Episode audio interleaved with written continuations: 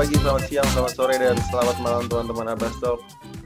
Hari ini di hari Minggu waktunya tebas, eh waktunya Sunday Talk with Tebas.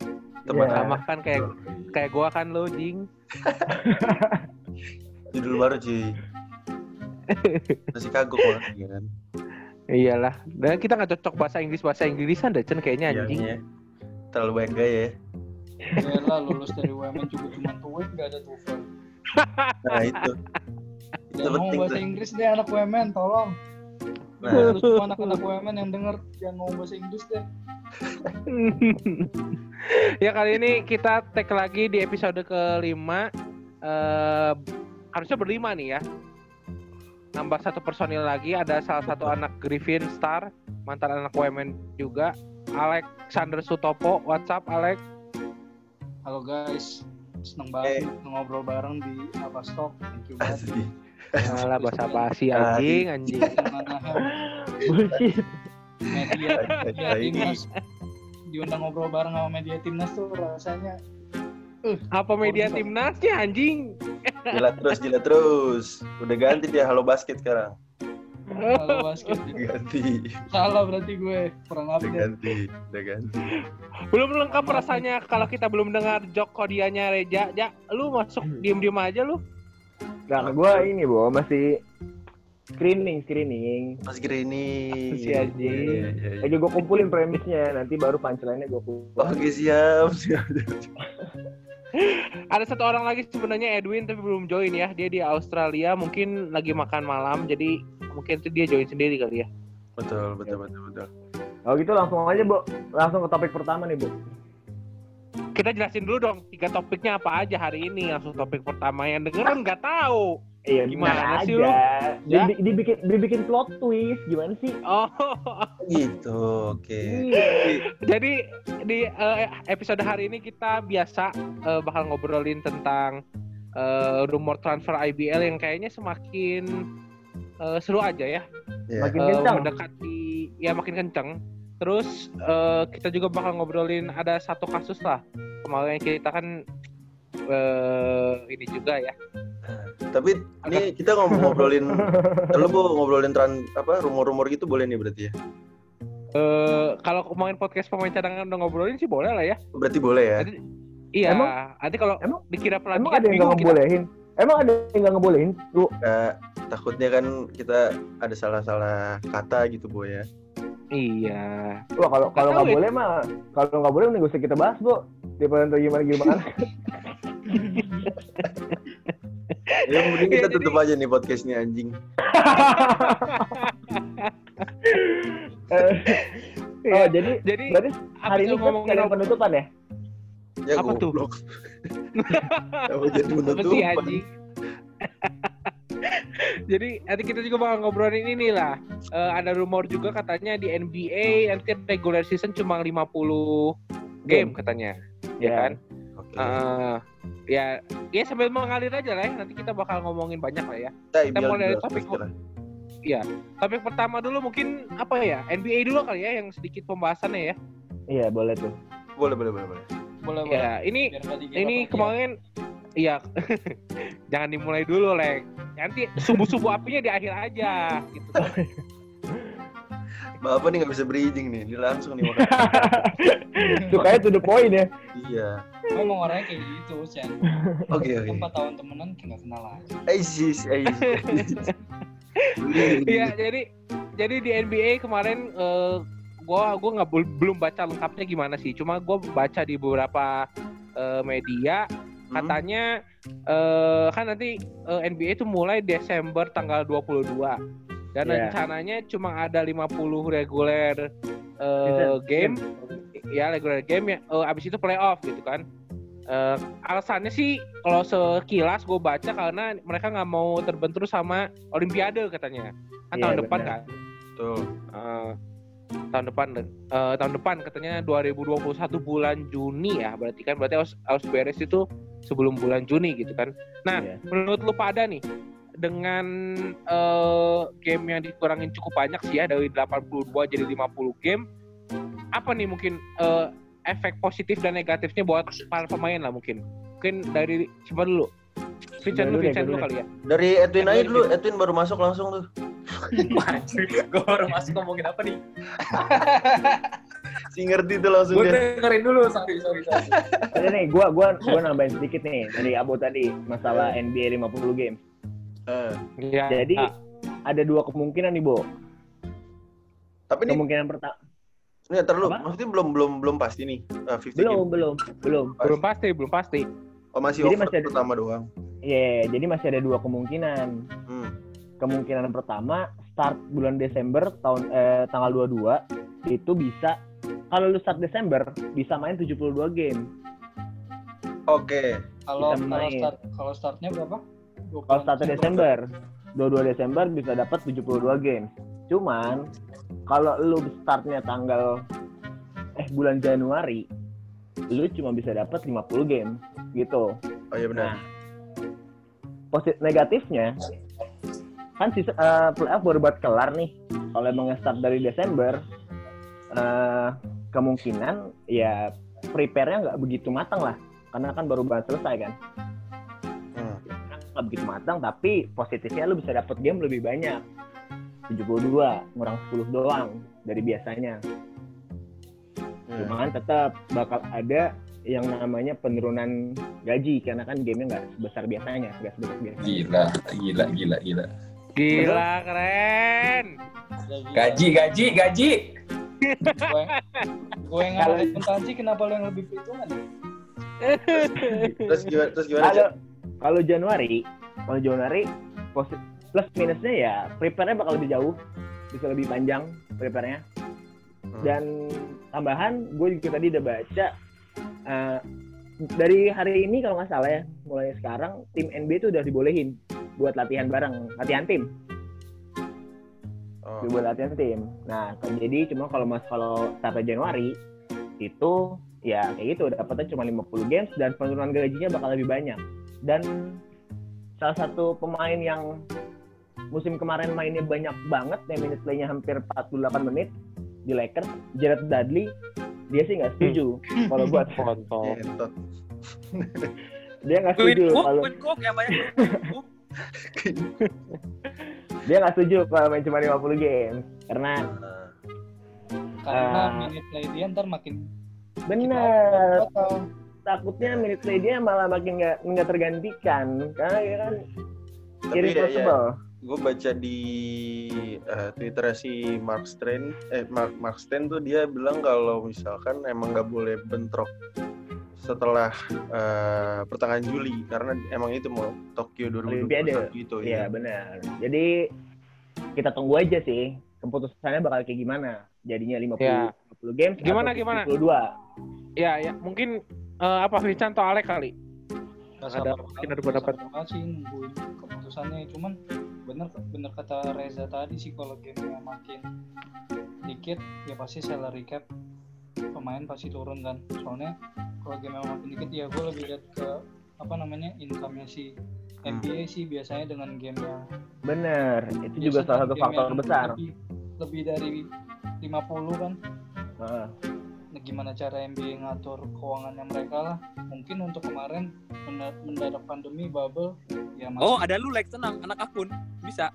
Ya emang, emang rencananya pengen gue hitungin semuanya sih. Oh, iya. keren keren keren keren. keren. Gue pengen bikin terobosan akun UMM bisa dipandang lah. Amin amin amin. Anak ibu Rosita ya kamu ya. Jangan sebut nama. Oh iya. Ya gimana? Eh, udah Alek segitu aja dari lu atau mau nambah lagi? Itu aja sih. Nah, tuh Chan, Win, ada gak pendapat tentang Gue udah 50 setuju game? banget lah sama Reja, gila. Opening tuh udah mewakilkan, udah mewakilkan semua suara yang ada. Lu tai ya, kayak gitu. Enggak serius anjing. Dimas dari gaji, dari salary cap, dari iklan semuanya sponsor. Udah udah udah termasuk Reja udah gila banget bener. Gila researchnya nih Reja nih. Tapi ya bener bener bener bener. bener. Apalagi anjing maksudnya ya, ya pasti revenue lah naruhnya kan. Iya, Iya udah kan, pasti, bener. udah pasti Udah itu pasti. paling besar sih. Dan kalau nggak salah nih ya, ada angka yang bisa disebut. Kalau misalnya lu uh, si NBA itu start Desember, itu income-nya bakal minimal uh, gap-nya tuh kira-kira hampir setengah miliar dolar lah. Hmm, dolar apa nih? Tapi Tapi yang kalau misalnya start baru lagi itu di mana sih? Di bubble lagi atau di di gimana lagi? Nah, nggak tahu Kayaknya nih masalah kayaknya si sih bubble bubble deh. itu. Soalnya kan kita nggak tahu nih kopat kopit gimana kan. Eh di mana lek? Ya Logio Kalau ya. 50 game, kalau MBD 50 game sih prediksi gue sih mungkin gamenya bisa dimulai di audio kayaknya. Kalau Gio. Karena kalau Jadi kalau emang di dekat, Jets dekat kemahalan, sama Cek. ini kan, dekat sama kos-kosan. Sewa Disney, iya sewa Disney mahal cuy. Kalau kalau hujan bisa pindah ke ini, Jets. Iya. Jeff mahal. The Breeze juga masih bisa. Ya, ini kalau kalau dari gua sih mungkin eh, gua eh, pandangannya beda kali ya, bukan bukan dari NBA-nya, bukan dari timnya. Kalau gua sih dari sisi fansnya ya. Kalau gua pribadi kan eh, gak terlalu ngikutin eh, kalau regular season 82 game gua nontonin semua gitu.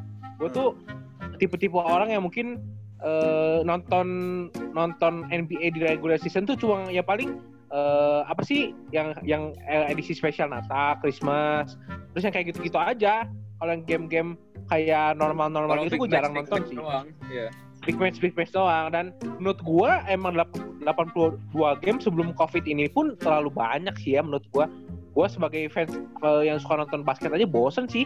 Kalau gue dari, dari sisi fans ya nggak tahu yang lain ya. Kalau gue sih eh, cukup setuju kalau misalnya tanpa eh eh tanpa lagi mesti dikurangi 32 game dengan hanya 50 game aja langsung ke playoff sih gue sangat setuju ya apalagi eh kalau kita lihat kan baru beres banget nih NBA kan Iya.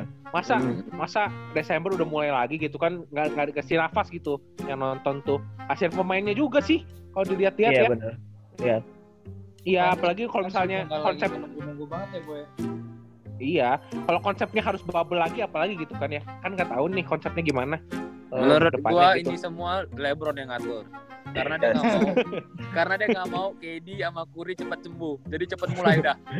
Suka banget nih teori konspirasi kayak gini. Setuju gue. Dia dia dia push push buat buat start di MLKD di di Januari kalau nggak salah ya. Iya, Martin Luther King dulu. Iya. Iya, itu Bus- Januari Martin Luther Dia pengennya di di di Januari sih LeBron. Kalau nggak salah. Eh itu by the way ngomongin Curry kayaknya badannya bulking abis tuh gue liat di foto terakhir tuh Siapa Curry? iya anjing Saya Udah nggak bisa shoot ya berarti. Airball sih kayaknya. Coba lihat dulu. nanti sama sama kayak Kevin Yonas badannya anjing Pas Kevin Yohan. Tap mem. Dan ini mungkin ngomongin NBA nanti aja ya. Eh, Kita bukan bukan ranah kita ngomongin NBA sebenarnya kan. Dan ini ada rumor-rumor yang eh lebih seru dari NBA mungkin ya. Di Iya, Indonesia pastilah. sendiri- Pasti, iya di pasti. Indonesia sendiri lagi lagi lagi hot-hotnya diobrolin. Tapi kita tadi udah izin juga di awal kan ya. Boleh kan ya Iya. kita ngobrolin ini kan ya? Boleh sih, Bo. Cuman gue sih nyaranin jangan sih, Bo. Daripada Apa sih, gimana apa sih? gimana sih? Ngobrolin transfer transfer IBL. Boleh dong ya. Oh, Boleh dong. Boleh dong. Oh, tapi masih cerita ya. Kita Kalau dari gue sih boleh banget sih ya. oh iya, kita yang penting kreatif aja sih, Bu. Mencoba untuk kreatif kan. Di sini nggak ada anak hukum ya? Biar apa tuh, Win? Biar apa tuh? Biar apa aja kita. Biar tahu biar Ya. ngerti aja. hmm, Langsung, Ya, mungkin langsung di-. Ya mungkin yang dim- dimulai dari yang udah dengerin podcastnya Augie kali ya. Kalau kita kan sebenarnya rumornya udah kita obrolin di minggu lalu ya sebenarnya eh, banyak rumor dan eh, udah di Halo Basket juga sebagian kita udah deliver juga dari Abasto ke Halo Basket untuk masalah visualnya gitu kan. Nah ini mungkin yang ya gue gue pribadi sih belum dengerin konten terbaru dari podcast pemain cadangan ya. Gue juga kemarin ngobrol sama sama Erik Herlangga. Mungkin yang udah dengerin Alek atau Reja kali ya yang bisa mungkin apa aja gitu yang diomongin di situ. Ayo, garis yang besarnya kabut aja ngomong gitu. yang kabut, yang kabut. Seakan- anjing seakan-akan gue dengerin podcast tuh nggak punya kerjaan gitu ya. anjing. Apa aja. aja. Dia nggak tahu Ah. Kita dengerin lebih kontennya ini. Ih, gila ya. Ini tuh bagian dari riset emang Edwin tuh anjing tuh gak? Gua nih, gua secara tidak langsung nih menunjukkan bahwa lu tuh leb- mempunyai kelebihan lu research dulu ya berarti ya. Lu jangan yang Eh, dulu. Ah, paling eh, yang yang menurut gua seru banget ya. Ini ada ada ini udah dibahas ya bos lo tahun eh tahun kemarin kemarin episode kemarin trionya Pacific Trionya Pasifik. ya Oh. ada Jericho Indra Muhammad sama siapa lagi? Wicak. Hadir Wicaksono. Wicaksono ya jadi eh Jericho udah confirm. Jericho udah confirm. Jericho udah confirm. Eh sorry sorry sorry. Indra Muhammad yang udah confirm kalau nggak salah.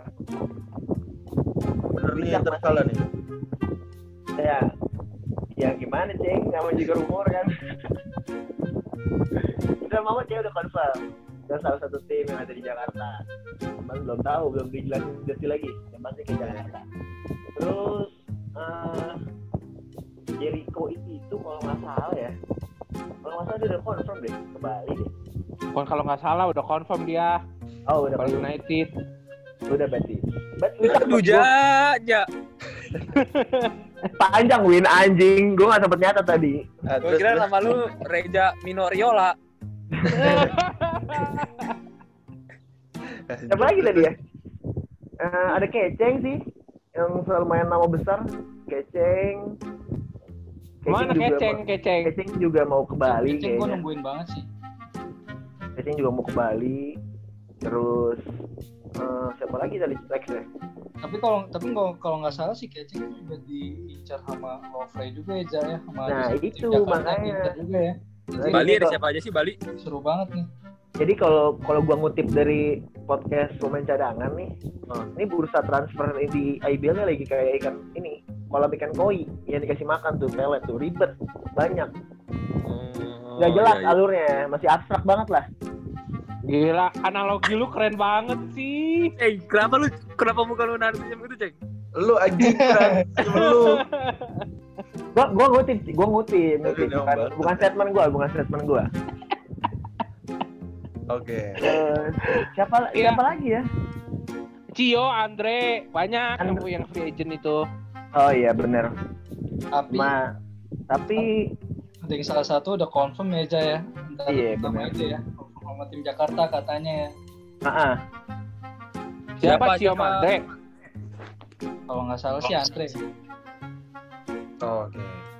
Dari salah satu itu pokoknya udah ada yang Tapi confirm. kalau ngutip dari podcast pemain cadangan nih, Hmm. kayak yang bahas tentang confirm-confirm kayak gitu juga itu politik lah ibaratnya. Iya, Makanya belum sih. tentu Jadi belum kayak tentu. ger- jadi kayak gertakan biar kayak itu, iya benar tim yang dia cuma kayak pemain ngeblaf itu juga doang Kayak oh ya oh dia, dia udah oke nih udah di lama yang itu ya udah Eh. jadi nggak dikejar. Oh, Edwin, Edwin, Edwin paling jago dong kalau gertak dong. Jangan mundur. Kalau digatak mah jangan mundur. Nah, ini- pala deh. Kalau gertak. Ini buat buat owner-owner IBL yang mau rekrut orang buat negosiasi ini boleh banget nih. Edwin Oh. Edwin. Cocok sih. Ntar CP gua ada di di bawah. Kirim link aja ntar si Phil Tapi Bo, lu Iya. kan Bo, lu kan kemarin ngobrol sama ini, Bo, si siapa? Iya sama eh, sama Gabriel Budi kemarin Oh. Itu gua kasih- gua ngobrol sama salah satu eh, bas- bas- basketball agent juga eh sama football agent juga lah ya di Indonesia cukup terkenal juga ya mungkin yang udah tahu eh kalau misalnya bursa transfer di luar tuh ada Fabrizio Romano kalau bola gitu ya.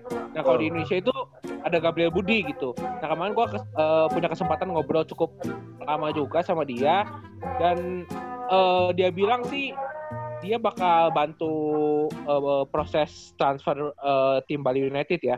Tapi eh, untuk untuk nama-nama yang udah disebutin sebenarnya eh, dia juga belum bisa mastiin karena tadi kembali lagi banyak banyak klub yang sedang berlomba-lomba katanya untuk merebutin ini nih para free agent ini gitu. Karena eh, sekarang ya kita nggak bisa ngebohongin lah katanya eh, dua tim besar ini eh dua tim baru ini cukup punya daya tarik cukup tinggi gitu. Satu West Bandit yang punya eh, track record di divisi cukup bagus juga udah tiga tahun terus Bali United yang menawarkan istilahnya lu kerja kerja bareng kita lu dapat fasilitas banyak kan kalau di Bali kan lu tahu sendiri ya bisa Iya. ke pantai lu bisa ke mana-mana gitu bisa eh, hidup enak ya hidup enak lah di sana gitu Ada daya tariknya isi kantong, Bo. ya iya itu bro terus sekarang klub-klub IBL itu mungkin lagi banyak proteksiin pemainnya yang istilahnya eh, kontraknya bakal habis eh, either akhir tahun atau misalnya awal tahun mungkin sekarang lagi cepet-cepet pengen desain kontrak ini di di di, di, di, di renegotiation lagi gitu. Nah mungkin satu nama yang udah bisa gue sebutin dan eh mungkin apa ya mungkin menjadi salah satu talenta yang banyak bakal diomongin juga sih ada salah satu pemain UPH yang udah ambil deal ke Bali United ya karena eh, kemarin sih eh, Mr. Gabriel Budi udah banyak kasih istilahnya kasih wejangan juga ke gua supaya bikinin mixtape-nya lah bikinin apanya gitu ya semoga aja bener lah itu karena gue juga tidak bisa menduga-duga ya maksudnya eh, belum tentu juga dia ke Bali gitu kan ini pemain UPH Iya, nanti kalian nggak satu persen juga kan itu maksudnya. Iya benar. Soalnya masih negosiasi negosiasi kan. Jadi namanya negosiasi kan bisa aja gagal gitu kan. Iya. Hmm, tapi yang udah confirm ke gua sih kemarin kan udah kita kasih ke Halo Basket juga kan Lutfi Koswara itu kayaknya udah pasti ke Bali United sih. Ya Iya. kan? Jadi udah dua orang yang eh, mengisi squad Bali dan dua orang lagi Neo Pande yang sama ini pemain UPH ini satu masih negosiasi semoga aja jadi lah ya kan Iya, iya, iya. Amin, amin, amin. Oh, Bo, pan Mm-mm. saya ada teman gua tiba-tiba balik ke Bali satu, pasti udah deal sama Bali United tuh, Bo. Oh Giorgio Martin ya Giorgio Martin. oh Fuck man. Oh my god. Plot twist kan? Oh twist kan? Podcast ini kan? Gila gila gila gila. Underrated player. Underrated player. Nih, nih. Ini kalau ada yang belum tahu siapa Giorgio Martin, strike-nya 150. Vertikal 45 inch. Tapi darah tinggi mainnya. Chan apa sih Chan? Lu ngomong apa Chan? ya ini kalau kalau ada yang belum tahu siapa Giorgio Martin, mungkin lu bisa deskripsikan Win siapa itu dia. Aduh, udah janganlah, janganlah susah. Ya pokoknya anak WMN lah. Anak OMN ya. Dan ini kita kembali ke topik ya. Mungkin eh, sebenarnya sekarang lagi hot-hotnya tuh eh, kemarin eh, Pacific Sesa kan udah resmi ngelepas Cio sama Andre ya. Dan eh, kalau gue udah konfirmasi langsung ke Cio sih, eh, Cio sih kemarin udah mengakui kalau dia udah dikontak sama West Bandit eh, untuk masalah main di musim depan gitu kan. Tapi dia belum bisa memastikan apakah dia bisa main di West Bandit musim depan gitu. Tapi nggak tahu ya, gue belum dengar langsung dari podcast pemain cadangan, belum ada approval juga, jadi gue belum bisa memastikan juga Cio bakal ke mana. Tapi kalau Andre dari kata-katanya pas kita chat di Abastok sih kayaknya dia minta didoain aja Cen ya. Ya pasti doain Kayaknya dong, masa, masa enggak? ya nggak tahu juga ya gue juga soalnya eh, belum pasti juga soalnya banyak aduh banyak tim-tim yang kaget juga mungkinnya West Bandit bergerak begitu cepat Bali United bergerak begitu cepat juga Ya, jadi mungkin eh, pem- Iya. klub-klub Lagi hot, lagi klub yang iya yang klub-klub tidak sebesar SM dan Pelita Jaya mungkin sekarang lagi ketar-ketir nih ya kan pemainnya banyak diincar juga gitu kan Iya sih, iya. Tapi harusnya Iya ya kan? kalau tim-tim besar mah nggak nggak nggak nggak ketar-ketir banget sih karena dia punya punya pemain yang udah Iya. main bareng cukup iya lama. tadi gue bilang di luar tim besar anjing Oh iya. Tuh, sabar, sabar, sabar. Bo, bo, bo, bo, udah, bo, udah. udah. tapi, di, tapi di luar Bali United sama West Bandit juga Lovre geraknya juga lumayan cepet ya kalau kemarin gue denger di podcast cadangan Lovre juga ada sempat mau ngincar mau ngincar Kelly Purwanto Hmm. terus Ruslan Usan tuh udah pensiun coy Kali, kali Iya, Purwanto emang ya kalau nggak salah ya ya Iya, Rus- tapi Ruslan juga mau di mau disikat juga, Bo. sama udah Lovre bikin udah bikin coffee shop dia Mau di comebackin lah ceritanya. emang kali Purwanto free agent, boy. Kayaknya masih ada setahun deh di Hang Tua itu ini dua tahun kontraknya setahu gua kalau nggak salah udah ngomong ke manajernya dulu siapa gimana gue nggak tahu sih kalau Iya. Oh, Sama ada sih pemain Louvre juga yang lagi diincer sama salah satu tim mau juga. Bali. Mau balik. Ya.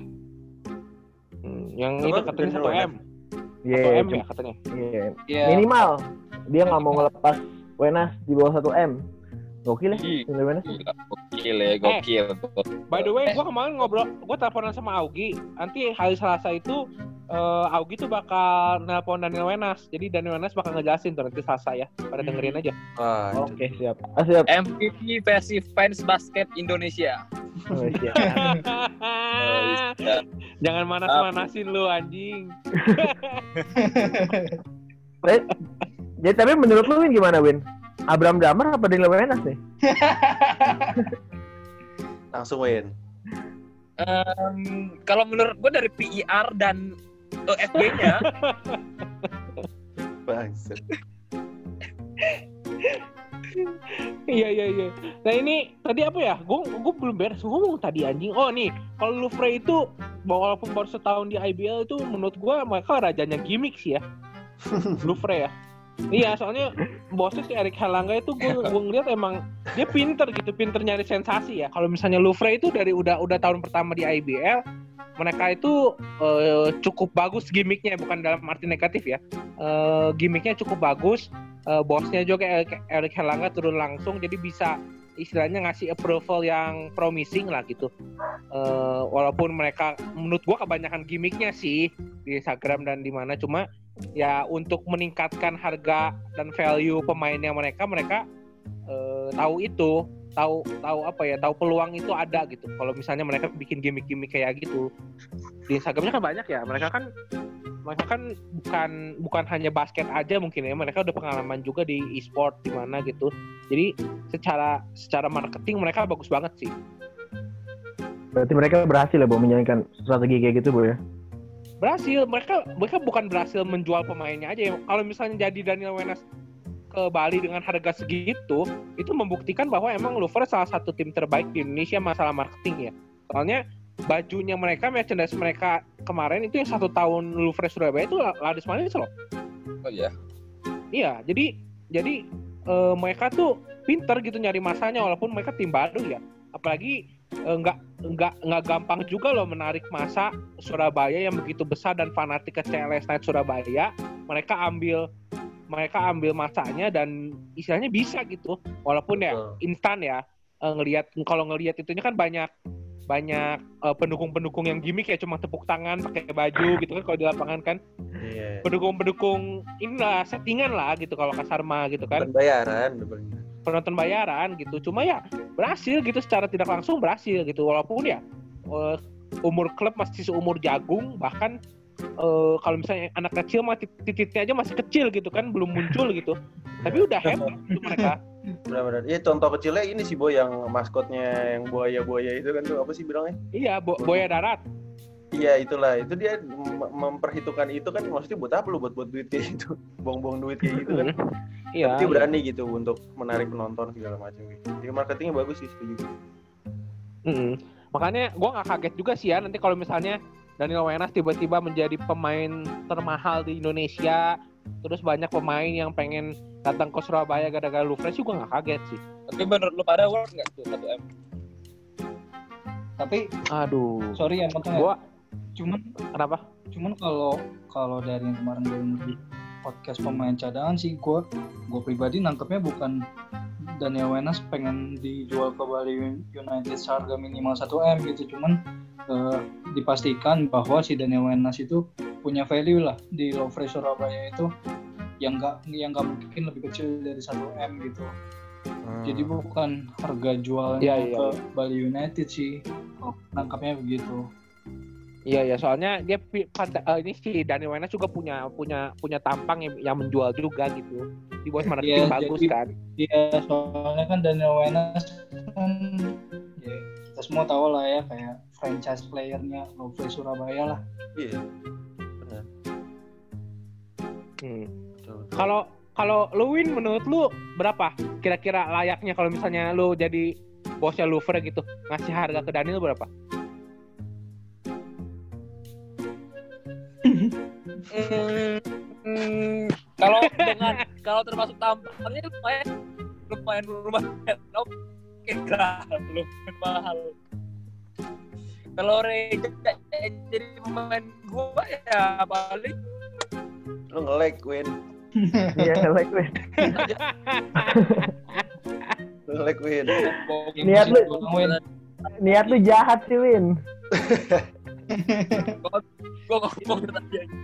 Maksud lu, maksud lu berapa, berapa harga yang gua gua kasih ke Wenas maksudnya? Itu omongan Iya, tadi berarti bener-bener nggak boleh di record tuh. Value-nya berapa kira-kira kalau lu jadi ini jadi petingginya lu Fre ke Wenas masih berapa? Kalau gua pentingnya ya gua samain juga se M. Kenapa? Karena dia salah satu pemain yang maksudnya improve banget kan dari musim sebelumnya. Setuju, Jangan setuju. langsung jadi kandidat MVP dan bisa bawa Louvre naik banget loh gitu maksud gua. Kandidat MVP lagi ya. Iya, bro. iya, iya. iya. Apa emang dia MVP-nya, Win? Bukan Abraham Damar? Tapi kalau dilihat dari sti- statistik dan ininya anal- analitiknya Sedap. dari efektivitas dan persan- persentase field goal attempt-nya Siap? menurut fans Indonesia dia Bangsat lu, Ceng. Iya, iya, iya. Terlihat dari postingan yang kemarin ya. yo bro eh, tapi tapi gue mau nanya deh ya. Mau nanya ke lu pada ya. Kalau kalau gue kan eh, kalau di sepak bola itu banyak ya. Soalnya perputaran perputaran duitnya kencang dan eh, istilahnya sponsor dari klub juga eh, banyak gitu kan ya. Nah, eh, untuk menjual pemain kan lebih gampang ya kalau misalnya di sepak bola kan asal lu jago eh, tim-tim tim-tim gede tuh bakal ngerekrut lu gitu. Nah, tapi kalau di Indonesia untuk nyari pemain yang kayak gitu dengan perputaran yang duitnya kecil eh, dengan value yang segitu besar, menurut lu jalan gak sih? Maksudnya eh, dalam dalam hal ini ya duitnya gitu. Soalnya kan kalau kita perputaran duitnya aja kayaknya kecil banget ya. Dengan harga 1 m gitu dinilai value 1 m gitu mungkin klub-klub basket Indonesia mungkin bisa ini gak sih? Bisa bisa men- menyanggupi gak gitu Kalau kalau dari gua pribadi sih kayaknya enggak sih, Boy. ya. gak mungkin ya Iya, kayak nggak mungkin. Kayak ngapain gitu? Ngapain gue beli pemain 1 M sekian? Terus ya karena lu udah tahu juga karena ah, perputarannya kayak gini doang. Yang ada gue nggak BP nih. Gimana gimana gue mau BP kan? benar Gila gila bahasanya BP. Lu. Gil. Ya gimana lu lu modal 1 M BP nggak nggak BP cuan enggak kali dia nggak peduli uang dia dia emang mau benar-benar ngincar ini gelar juara Iya. Iya, itu. Tapi kan kalau konteksnya Daniel Wenas ya gue nggak yakin sih tapi ya nggak Enggak, pasti enggak juara juga loh. sih ya sebenarnya soalnya soalnya value-nya value-nya dia 1 M itu dia tuh bukan pemain timnas yang reguler loh. Dia tuh pemain eh, timnas yang dipang- yang jarangnya di- eh, yang dipanggilnya jarang loh. Dipanggilnya jarang loh. Daniel Iya. itu jarang-jarang kan jarang-jarang. ada bawa sekarang Oh. Oh. karena lagi naik aja sekarang Oh. Eh, Aji mumpung dong kalau kayak gitu Iya, iya, iya. iya. Ya tapi ya tapi benar kata Edwin tadi. Kalau sama tampangnya ya mungkin satu M oke lah ya. Mungkin tampangnya kan bisa jadiin sisi bisnis juga untuk masing-masing tim yang rekrut dia lah ya. eh tapi bisa banget. tapi ngomong-ngomong value gitu-gitu ada yang ada yang punya data nggak jersey siapa yang paling banyak terjual Gua nggak tahu deh kalau itu. Kalau merchandise mah Louvre di Indonesia itu IBL itu nggak eh, nggak mewadahi penjualan jersey dengan cukup proper sih menurut gua ya. Tuh. Mm-mm. Nggak kayak, Kalau kayak NBA gitu ya, Bu ada NBA store gitu ya. Iya, dan sekarang menurut gue terobosan yang cukup bagus sih dilakuin oleh Prawira ya. Gue bukannya ngebela Prawira, cuma mereka kan merger sama Persib kan. Jadi Iya. menurut gue kalau misalnya klub-klub basket pengen eh, meningkatkan penjualan merchandise-nya ya lu, lu harus ngelebarin pasar juga atau lu cari cari cari tim atau tim sepak bola gitu yang satu daerah sama lu ya lu coba kontakkan sama eh, klub sepak bola itu untuk menjual merchandise itu bareng gitu. Iya. Soalnya kan kebetulan ya kalau Persib sama Prawira kan satu owner ya, Teddy Cahyono itu. Jadi mereka di satu store yang cukup gede gitu kayak di ya kayak di Old Trafford gitulah. Kayak punya store gede gitu, nah, mega store gitu. Nah, mereka ngejual merchandise Persib sama Prawira gitu. ya walaupun eh, peminatnya ya nggak tahu ya peminatnya cukup sedikit nanti eh, masih sedikit gitu tapi kan setidaknya at least mereka punya perkembangan gitu dari penjualan Iya. merchandise gitu ada Hanya- jadi lebih banyak gitu kan iya Iya. soalnya jadi nggak nggak hanya ngejual di misalnya ada seri IBL di Jakarta ya gue seringnya ke Kelapa Gading tuh itu nggak jelas banget lu ngejual jersey jersey eh, klub-klub IBL tapi cuma satu pasang orang mau beli XL nggak ada anjing ukurannya yang ini aja kak yang ini nih L nih ada yang XL-nya habis anjing Bisa begitu, anjing. kali ya. Dipikir badan saya muat, L. Di Iya. delapan dua di delapan. Eh, Bo. Excel aja masuk syukur saya, Kak. Kenapa Win? apa Win lu nge-like lu Kenapa ya? Sinyalku apa ya? Bangsat. Aduh, Sinyal, di sinyal. Australia aja nih, tapi sinyalnya sama. Gua pindah wifi, gua pindah wifi dah. Buat gua Apa, rasa, apa, Lek? gua rasa sih dia di Aussie cuma gimmick doang. Background Kayaknya sih, doang ya. kayaknya sih lagi di Medang sih, gua liat-liat mirip. Anjing. Iya, eh tapi ini ini ya, eh, menurut lu pemain selain Dani Wenas yang kalau misalnya Dani Wenas value-nya 1 m gitu, kira-kira siapa yang men- yang kira-kira mencapai value segitu juga yang tinggi lah value-nya gitu. Nilainya tinggi siapa menurut lu? Ini value harga harga dia berarti kan maksudnya bukan Iya, cara mainnya. Iya. iya, harga dia. Tapi Grahita sih. cuman dibahas soal permainannya aja ya, Boy. ya. Nggak bahas-bahas tampang dan segala macamnya berarti. Bahas Iya. dong, bahas dong. Kan kalau Oh, kalau nilai jual kan kalau kalau value kan bukan hanya eh, gamenya aja kan, tapi harus bisa ngejual juga sebagai pemain pro kan harus lengkap gitu. Ya, Daniel so- tuh salah satu yang lengkap, salah satu yang lengkap. Cuma kalau kekurangannya dia jarang dipanggil timnas aja gitu. Hmm. jadi ini di dalam dan di luar lapangan gitu bu ya Iya, jadi punya value tinggi kan. Kalau lu kalau kalau lu lapang, main di lapangan aja bagus tapi di luarnya jelek ya value ju- value lu juga nggak naik gitu segitu segitu aja gitu. Iya. apa ya Kalau menurut gue yang prospek banget sih Rivaldo Tandra sih ya. Iya, Rivaldo juga Eh. bener tuh. Bisa Betul. Rivaldo. Iya itu prospek banget sih. Kan ini masih tahun pertamanya rookie kan dan juga dapat gelar Rookie of the Year ya kita semua tahu siapa sih yang nggak tahu Rivaldo Tandra Mm. prestasinya di bidang basket udah segudang lah istilahnya. Menurut gue sih Iya. paling prospek itu ya Rivaldo Tandra. Ya secara secara prestasi juga oke ya dia di luar lapangan juga Betul kan betul. sering diundang ke mana-mana gitu kan ya. Benar benar benar. Number one 3x3 player masih nggak sih di, di Indo? Kayaknya kalau kalau ya? kalau masih valid sih kalau 3x3-nya sekarang lagi nggak corona gitu mungkin masih nomor satu ya. Soalnya kayaknya event terakhirnya 3x3 juga bukan event yang gede juga jadi masalah penambahan poin menurut gue ya masih Rivaldo masih nomor satu sih Ya kayaknya. harus harusnya game Drex terakhir nggak signifikan lah ya penambahan poinnya lah ya bu. Iya. Iya iya.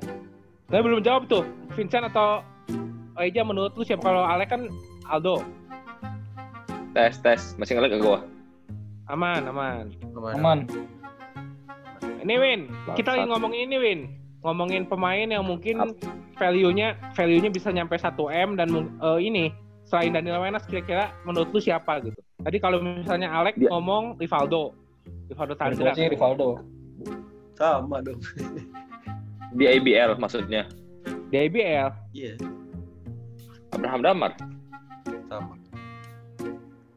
Iyalah. Kenapa kenapa? Oi, Soalnya kan apa? Mainnya konsisten, tampang juga ada lah ya. ya. Tampangnya juga ada, nggak kalah lah sama Daniel Wenas. Ya, iya nggak? Ini ngelag apa enggak sih? Oh, kenapa lu ketawa? Kenapa lu pada ngomong nggak nggak kedengaran ya? Kita di win. Iya, kita emang nggak ngomong Win. Terus apa? Lanjut lanjut. Bangsat, jadi lupa kan mau ngomong apa anjir. Abraham Damar muka muka.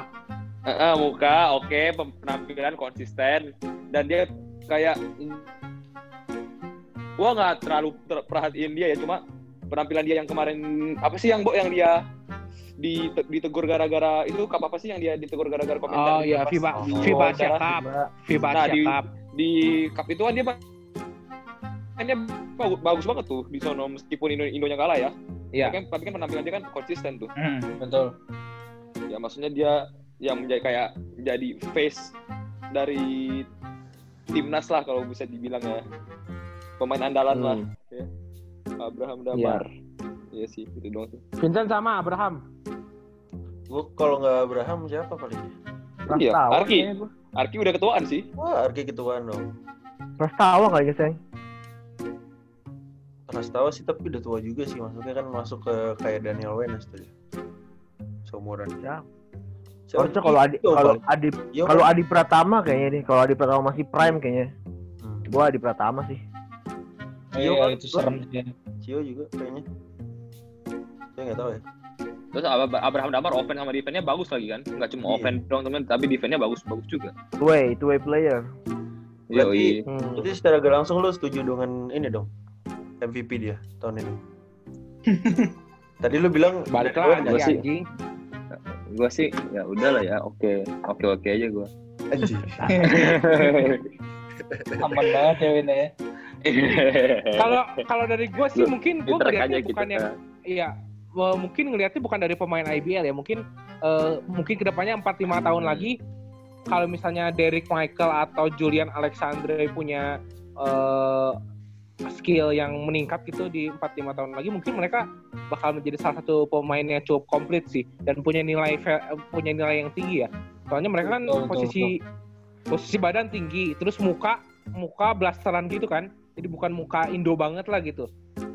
Jadi untuk Iya. sisi marketing bagus banget apalagi kalau si Derry kan ada turunan negronya gitu kan. Jadi jadi jadi lebih apa ya kalau kata orang itu cari Leb- cari orang cari orang yang jadi model talent gitu harus yang agak blasteran gitu.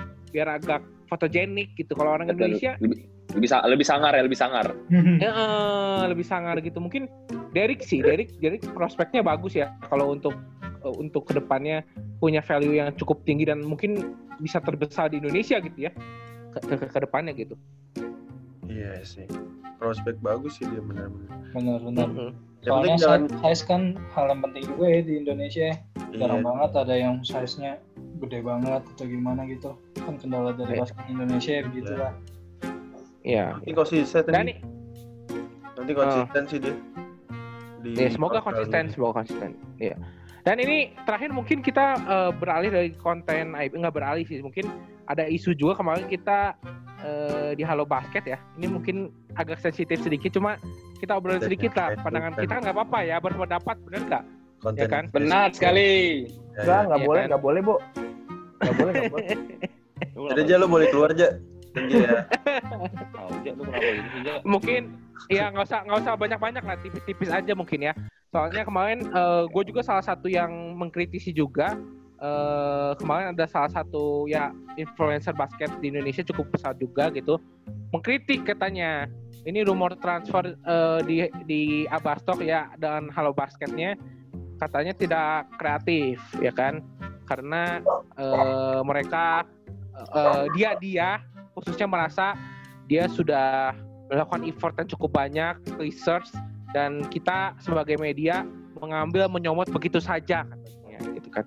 Nah gue pengen gue pengen tahu nih pendapat lu pada ya. Soalnya kalau gue pribadi kan eh, istilahnya udah terjun di dunia ini ya masalah rumor-rumor transfer gini kan udah lama ya dua setengah tahun gue di bola jadi udah agak tahu lah gitu. Nah ini menurut lu gimana nih? Pandangan lu sebagai eh, fans awam yang lihat perilaku salah satu influencer tersebut Eh, sebagai awam ya, Bu, baik lagi.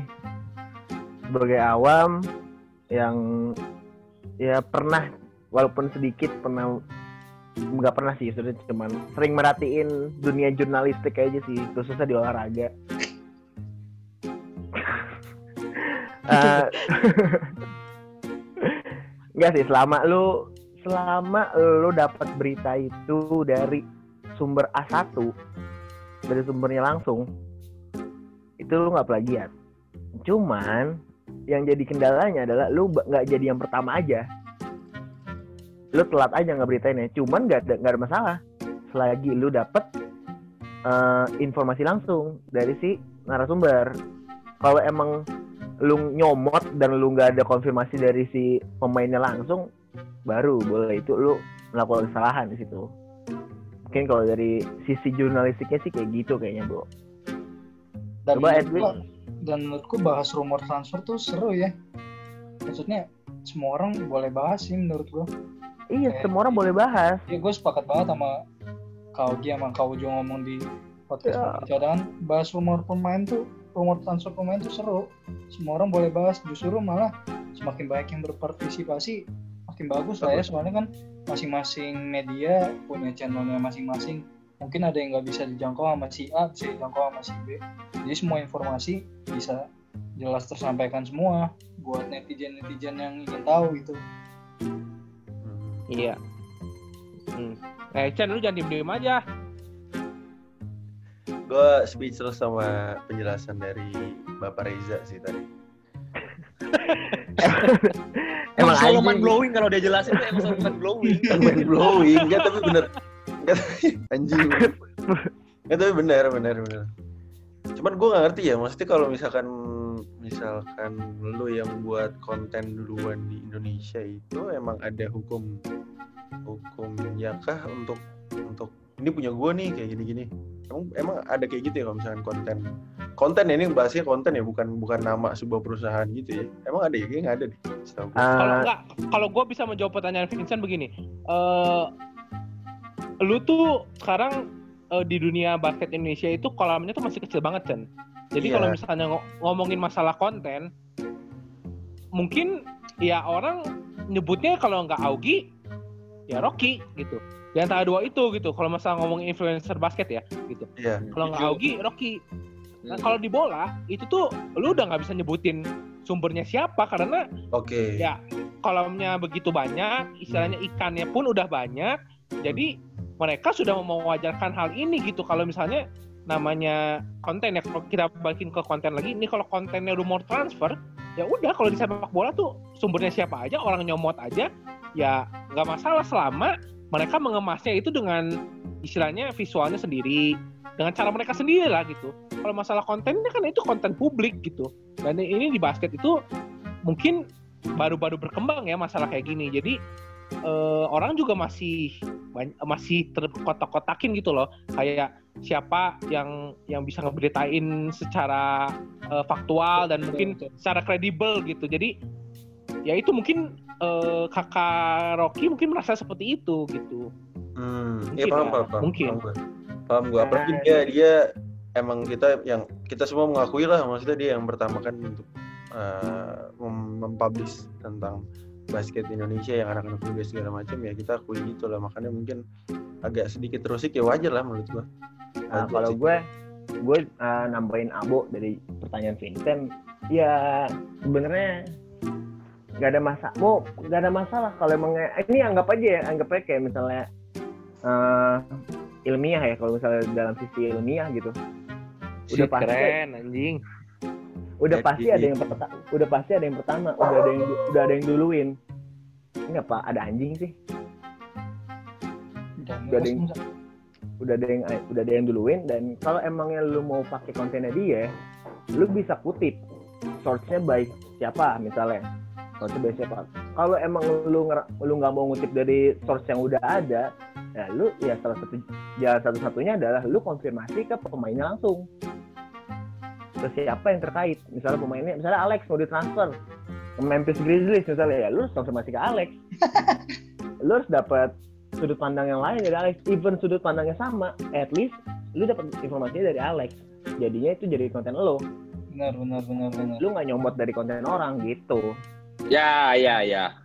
betul sekali Bapak Reja nah, kira-kira ya, saya sih begitu ya jadi kayak di media-media luar luar negeri gitu ya Jaya kayak misalkan House of Highlights atau iya iya report kan itu kan dia, mereka seringnya kayak Bener, langsung bener. Nih, apa, nih, nih. source-nya WOJ Si apa? ESPN gitu misalkan ya benar Iya, si WOJ ESPN nggak per- pernah marah. Dia ini apa konten dia diambil sama media lain tuh? Selama Nggak- nggak pernah dikutip dia, nggak pernah dia, iya kan? Selama dikutip kan? Nggak selama, pernah dia selama bilang, dikutip "Nggak, kreativitas di Amerika Serikat udah udah udah habis nggak ada dia ngomong gitu ya? udah iya iya dan ini ya Kamu mungkin- keren mungkin sekali ya- Edwin, Edwin. iya mungkin yang Dia cek, dia nggak cek, kayak gitu nggak cek. Betul. Cuma ngomong.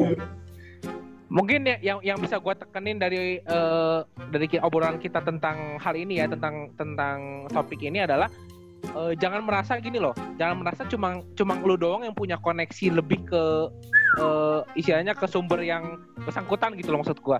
Jangan menganggap kalau misalnya lu tuh yang paling dekat sama yang lain gitu.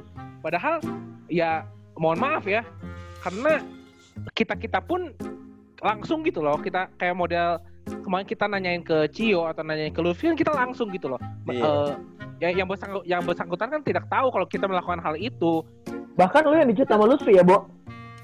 iya maksudnya iya. Gue tidak mau ngomong itu ya cuma Oh, lu udah nyebutin ya. Cuma cuma maksud gue jangan jangan menganggap kalau misalnya lu- semua orang tuh harusnya cerita ke lu gitu. Ya enggak lah gitu loh. Lu kita aja nggak nonton channelnya dia terus gitu loh. Apalagi orang-orang yang Iya, lebih semua awam orang dari kita dia gitu. kan. bener gitu loh. Jadi- jangan jangan mindsetnya tuh jangan begitu gitu. Jadi apa-apa jadi jadi julid gitu sewot jadinya gitu jatuhnya Karena karena gini, Bo, karena nggak semua konten yang lu bikin itu eksklusif gitu. Itu semua iya iya sifatnya publik.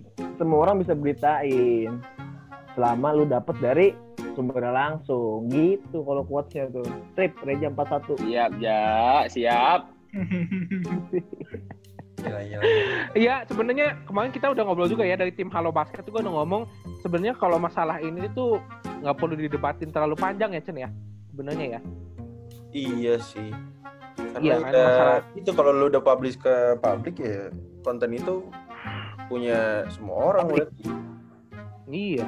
Apalagi apalagi justru menurut gua orang-orang yang eh apa aktif aktif di Instagram itu nggak nggak nggak pengen tuh ngedengerin kontennya beliau yang 14 menit ngomongin banyak hal gitu untuk ngedengerin umur transfer itu sebenarnya orang nggak semuanya pengen nonton itu gitu loh ya kan orang kan lebih enak loh kalau misalnya visualnya kita udah buatin eh dijepretin di Instagram gitu kan orang lebih enak ya dong Iya lebih Iya. cepet aja sih. Yoi. Padahal dia pengennya penonton pengennya dengerin kita yang sejam ini kan, Bo? Iya, pastilah. Kan Gila asik kali. kita kayak gini. Iya, nggak nggak nggak dalam informasinya nggak dalam gimana sih? Kalau kita Iya, in depth kita kita reporting, gini. Iya. buset, asli. tapi Nggak tapi ngerti. Tapi tepuk tangan buat kita karena empat episode kita masing-masing sudah didengarkan oleh 150 orang. Hey. Dari total 600 orang mendengarkan eh, konten Dwi Yosef dan Mac Dayo. Oh, itu, itu, penting. itu yang denger tuh Reja ngulang-ngulang 60 kali, Bo. 65 sih, Pin. Sisanya McDayo sama Gio-nya. Kayak harus diundang nih mereka berdua. Iya nanti lah, next week lah next week ya kan. Cuma cuma lu harus siap dengan knowledge-nya Dio yang begitu tinggi nanti lu nggak nyampe. Iya, takutnya gue kalah ya, kalah pamor gue ya. Bisa Iya. bisa bisa bengong lu. Sa- Saking banyaknya knowledge yang masuk ke otak lu bisa sampai bengong lu anjir. Speechless, speechless. Bener-bener apa ya? Kayak Nggak ngomong nggak udah nggak nggak Stefani siap. dong. Jangan jangan sampai nggak siap lah otak lu lah. Nah, Ceng, tolong dibikinin mixtape-nya, Ceng ya. Dewi Yosef sama Mike Dayo. Kalau Dwi Yosef gue udah ada yang kemarin dia nembak depan Alin tuh bisa tuh. Ayo paling pull Iya, up, pull up doang lah, pull up dia ada. Sama Martin. Iya. itu kalau pull up udah bisa bisa. bisa. Ya mungkin itu aja sih. Mungkin ini gue menyimpulkan eh, ini ya. Oh ini bukan bukan maksud untuk menjatuhkan yang lain, cuma buat pembelajaran aja lah buat kita semua, buat buat kita pribadi opini juga. juga, untuk- kita opini juga, Bo. Bisa benar bisa Iya. salah. Iya, untuk inilah jangan jangan menjudge dulu lah sebelum tahu semuanya gitu kan ya. Itu kan dia sebenarnya pasti nggak tahu ya kita ngelakuin apa di belakang ini kan gitu. Ya kan? Mereka ma- main ma- langsung ne- nembak-nembak aja kita ngelakuin ini kan gitu. Ya, Ya, ya, pelajaran intinya- lah buat kita semua. Betul, intinya ya kita bekerja sama untuk membangun kultur basket Indonesia yang lebih baik lah. Untuk Culture. demi bangsa dan negara. Demi bangsa dan negara. Gue suka Iya, banget kalimat anjing. Ya udah nih sebagai penutup, Ja, lu mau ngasih jokes gak? Mungkin belum lu hari ini. Gue Oh, kasih quote, ini gua kasih quote aja kali ya. baca ini oh, aja. Hari ini jarang ngejok sih anjir. Apa karena gue karena gue telat? Filosofi Gua- gua- edukasi aja, filosofi edukasi. Iya, gue tutup dengan quote aja kali ya. Ya, coba coba. Eh, pada dasarnya manusia adalah makhluk sosial. Hmm. Siap. Nggak semua nggak semua yang ada di dunia ini milik hanya milik satu orang. Siap siap siap. Terus Lanjut. terus. Terus? Ditambah dengan med- media sosial yang sudah begitu kencang semua orang bisa menjadi medianya sendiri. Dan itu dia. Mantap, Dan- mantap. itu kalian dia. tidak bisa merasa menjadi yang paling eksklusif dan kita semua bisa menjadi mereka juga. Dan saya Reja 41 dan Sunday Talk Tebas selamat pagi, selamat siang dan selamat sore dan selamat malam sampai jumpa minggu depan terima kasih Yaudah, terima kasih ya semua yang udah dengerin. Thank you, Lek. Thank you. obrolan terpenting. Ya, ini obrolan terpenting abad 2000. Abad 2000. Bo, Ya,